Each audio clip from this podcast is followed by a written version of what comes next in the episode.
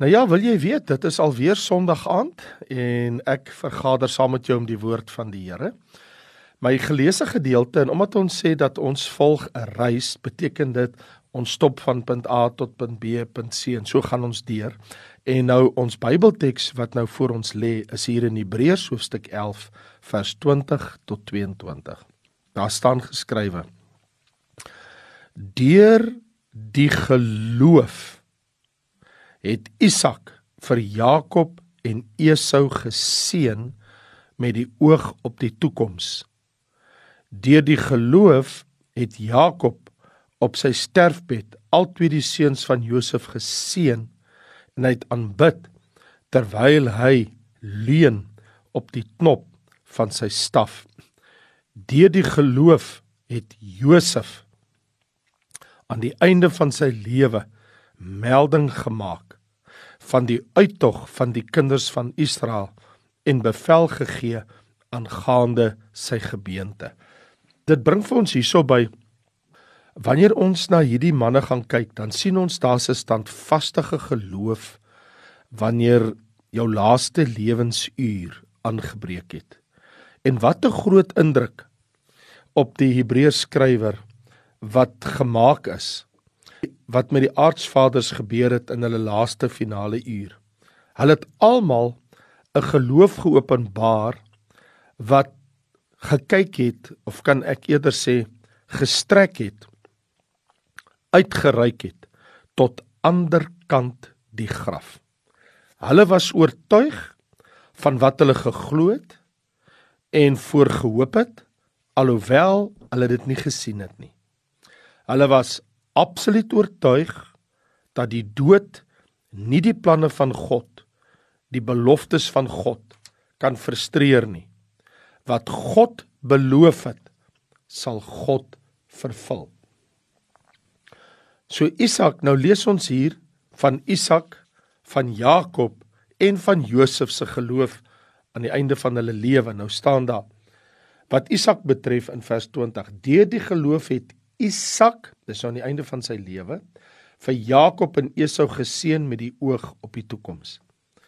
In werklikheid, toe Isak aan die einde van sy lewe die seën aan sy eersgebore seun Esau sou gee, was hy mos bedrieg deur Jakob, maar ons weet mos almal wat het daar gebeur. Maar ongeag nadat die seën aan Jakob gegee is, het Isak geweet dit is bindend en dit kan nie faal nie en dit kan ook nie ongedaan gemaak word nie. Soos byvoorbeeld ons lees en hy het nader gekom en hom gesoen toe ryk hy die geur van sy klere en hy sê vir hom kyk die geur van my seun is soos die geur van die veld wat die Here geseën het. Mag God jou gee van die dou van die hemel en van die vetgrond van die aarde en oorvloed van koring en mos. Volke sal jou dien en nasies voor jou neerbuig. Wees 'n heerser oor jou broers en die seuns van jou moeder moet hulle voor jou neerbuig. Vervloek is hulle wat jou vloek en geseënd is hulle wat jou seën. En dan lees ons in vers 33. Toe skrik Isak geweldig toe hy nou uitvind dat hy het vir Jakob geseën in plek van Esau. En hy sê: "Wie is dit dan wat my wild gejag en my gebring het? Ek het van hom alles geëet voordat jy gekom het en hom geseën. Ook sal hy geseënd bly." Duidelik. Hy sal geseënd bly. Later sou Isak weer vir Jakob seën met volle kennis van wat hy gedoen het En dit is nadat hierdie hele storie op die lappe gekom het, toe roep hy sy seun en hy sê mos vir hom luister, ek weet dat jy moet nou die weg gaan, maar hierso en hy deel met hom mee en hy sê en hy seën hom en hy sê jy mag geen vrou neem uit die dogters van Kanaan nie. Maak jou klaar, gaan na Paddan Aram na die huis van Beteel, jou moeder se vader, gaan haal vir jou daar 'n vrou uit die dogters van Laban, jou moeder se broer. En mag God die Almagtige jou seën en jou vrugbaar maak en jou vermeerder sodat jy 'n menigte van volke kan word. En mag hy jou gee die seën van Abraham aan jou en jou nageslag saam met jou dat jy die land van jou vreemdelingskap in besit kan neem wat God aan Abraham gegee het. So die hoofsaak van hierdie ding is dit is die volgende. Die hoofsaak is dat deur die geloof het Isak sy seun gegee wetende dat dit in volkomme vervulling sal gaan in die toekoms. Abraham seun vir Isak, Isak seun vir Jakob. En so aan die einde, hier sien ons 'n standvaste geloof wanneer die laaste lewensuur aangebreek het. Byvoorbeeld As ons nou teruggaan na Hebreërs 11 te lees ons oor Jakob se geloof. Nou lees ons in vers 21. Deur die geloof het Jakob op sy sterfbed al twee die seuns van Josef geseën en hy het aanbid terwyl hy leun op die knop van sy staf. So staan dit geskrywe. So hierdie ou afgeleefde Jakob leunende op sy staf seën Josef se twee seuns en aanbid terwyl hy op sy staf leun. Jakob het sy hande oor kruis geplaas wetende sy regterhand het meer gesag as sy linkerhand. So lees ons wat gebeur het daar in vers 17 Genesis 8 en 48. Toe Josef sien dat sy vader sy regterhand op die hoof van Efraim gelê het, was dit verkeerd in sy oë en hy die hand van sy vader gegryp om dit van die hoof van Manasse op die hoof van Manasse te bring. En Josef sê aan sy vader: "Nie so nie, my vader, want hierdie een is die eersgeborene. Lê u regterhand op sy hoof." Maar sy vader weier en sê: "Ek weet, my seun, ek weet. Hy sal ook 'n volk word en hy sal ook groot word. Nogtans sal sy jongste broer groter wees as hy en sy nageslag sal 'n menigte van nasies word." So hier kan ek en jy baie duidelik sien Deur die geloof het Jakob in sy hoë ouderdom die seën uitgespreek. So hier vind ons in die skrif deur geloof in God se woord was Jakob seker oor die toekoms. Hy was verseker oor die toekoms ongeag en ten spyte van menslike optrede. Jakob het geweet niks kan God se doelwitte verhinder nie. In tyd het alles waar geword en is dit vervul soos Jakob gesê het.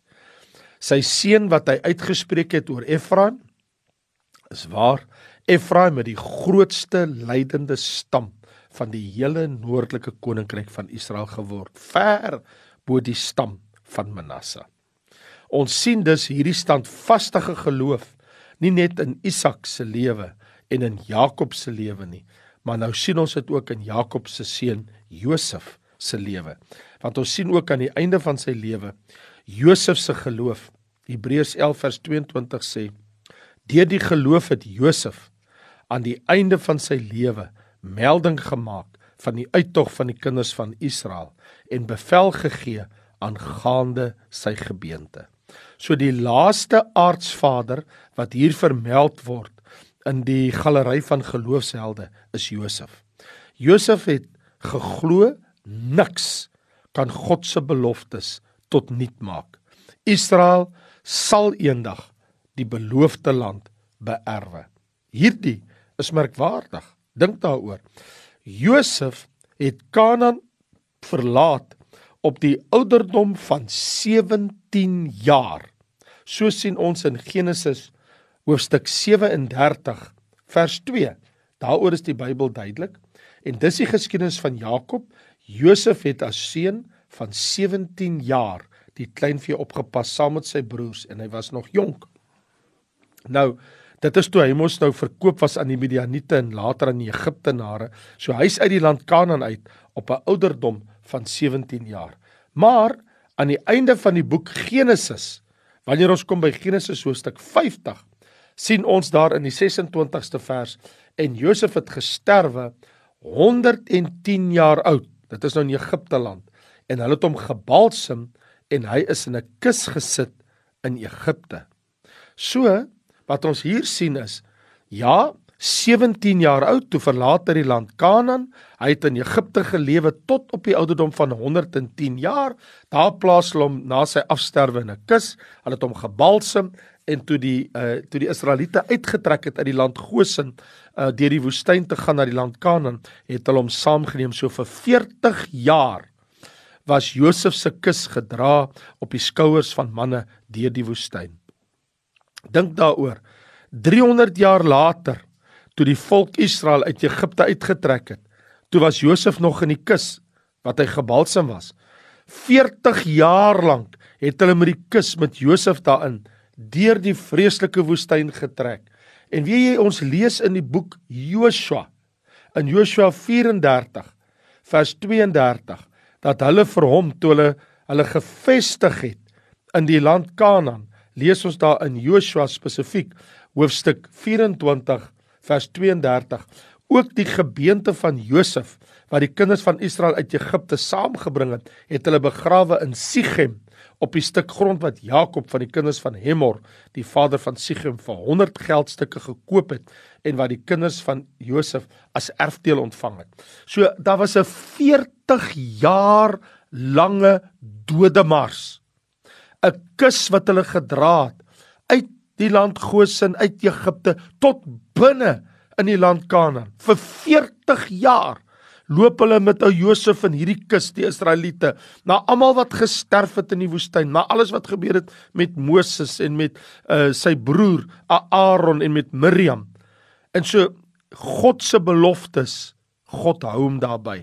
En die hoofgedagte hier van die Hebreërs skrywer is al die aardsvaders het goed geëindig.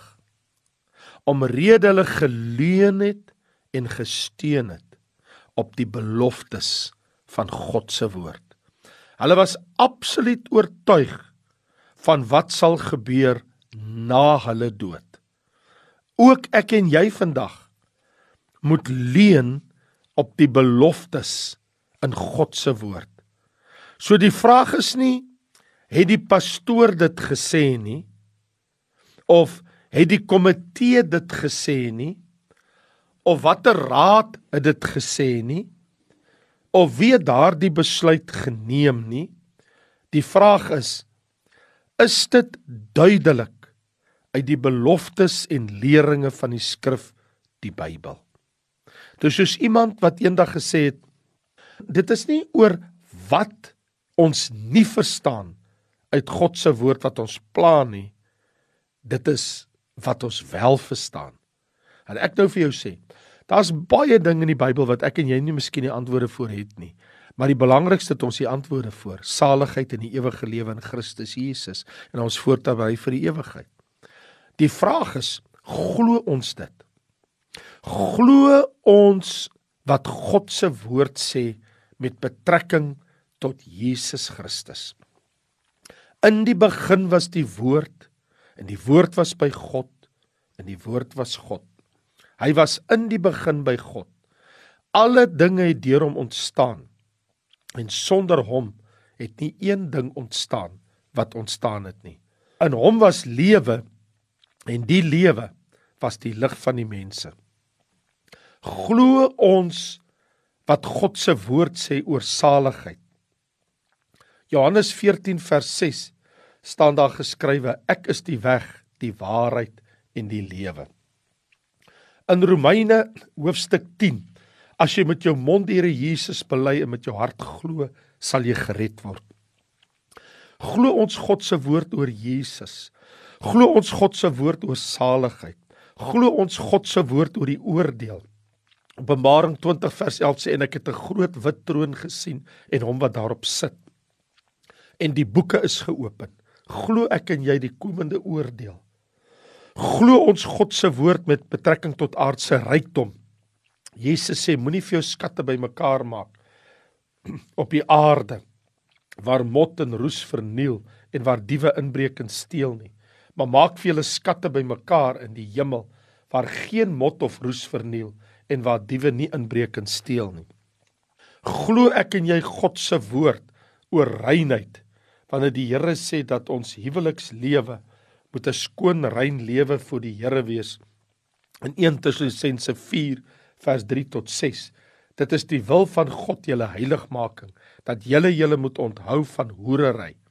Want elkeen van julle moet weet om sy eie vrou te verkry in heiligheid en eer, nie in hartstogtelike begeerlikheid soos die heidene wat God nie ken nie. Dat niemand sy broeder in hierdie saak moet bedrieg en benadeel nie. Omdat die Here 'n wreker is oor al hierdie dinge. God het ons nie tot onreinheid geroep nie, maar tot heiligmaking. Glo ons wat God vir ons sê. Glo en gehoorsaam ons God se woord. Wat ons nooit oor sal spyt wees of teleurgesteld sal wees, is wanneer my en jou laaste finale uur aanbreek, wanneer ons steeds onwrikbaar vashou aan die woord van God en sy beloftes. Ek weet nie van iemand binne en buite die Bybel wat op hulle sterfbed spyt was dat hy of sy 'n Christen geword het nie. Mag die Here ons vind in standvaste geloof ook wanneer jou en my laaste lewensuur aangebreek het. Dat ek en jy ook soos 'n Paulus van ouds kan sê ek het die wedloop volëindig. Ek het die geloof behou en vir my is 'n kroon weggelê. Wat kan ons sê? Vra die Hebreërs skrywer. Wat sal ons sê? Dit is dat ons glo in die beloftes van die woord van God. Jakob het dit geglo, Josef het dit geglo, Isak het dit geglo, Abraham het dit geglo, Sara het dit geglo, Noag het geglo, Henog het geglo, Adam het ja ten spyte van sy val het sy geloof in God behou. Ook Adam het geglo en God het hom 'n ryke nageslag gegee. En nou lees ek dat die woord van die Here sê: Glo jy? Glo jy? sê Jesus dat ek die saligmaker is, dat ek die een is wat aan die kruis kom sterf het. Ja, Here. Vader, Vader van die heerlikheid, Ons kom na U toe in die kosbare naam van Jesus en ons wil ons geloof bely. Ons wil sê Here, ons glo dat Jesus die woord van God is. Ons glo dat hy die weg, die waarheid en die lewe is. Ons glo dat daar kom 'n oordeel. Ons glo in die opstanding. Ons glo dat as ons vir ons skatte in die hemel bymekaar maak, daar 'n groot loon wag. Ons glo dat as ons reinheid en heiligheid nastreef, dat die Here ons sal ontvang om ook eendag in sy heerlikheid te wees. Ons glo, Here, ons glo wat u woord sê. As jy met jou hart glo en met jou mond bely, sal jy gered word, want elkeen wat die Here aanroep, sal gered word. Ek glo, Here, dat hierdie belofte, hierdie woord in Romeine hoofstuk 10 staan vas en glo ons dit met ons hele hart. Vader, ons bely soos die aardsvaders, ons glo, Here. Ons glo dat U U woord volbring, dat U beloftes onderhou in Jesus lieflike naam. Amen. Mag die koning jou seën. Volgende week kuier ons weer lekker om die woord van die Here saam. Baie dankie en totsiens.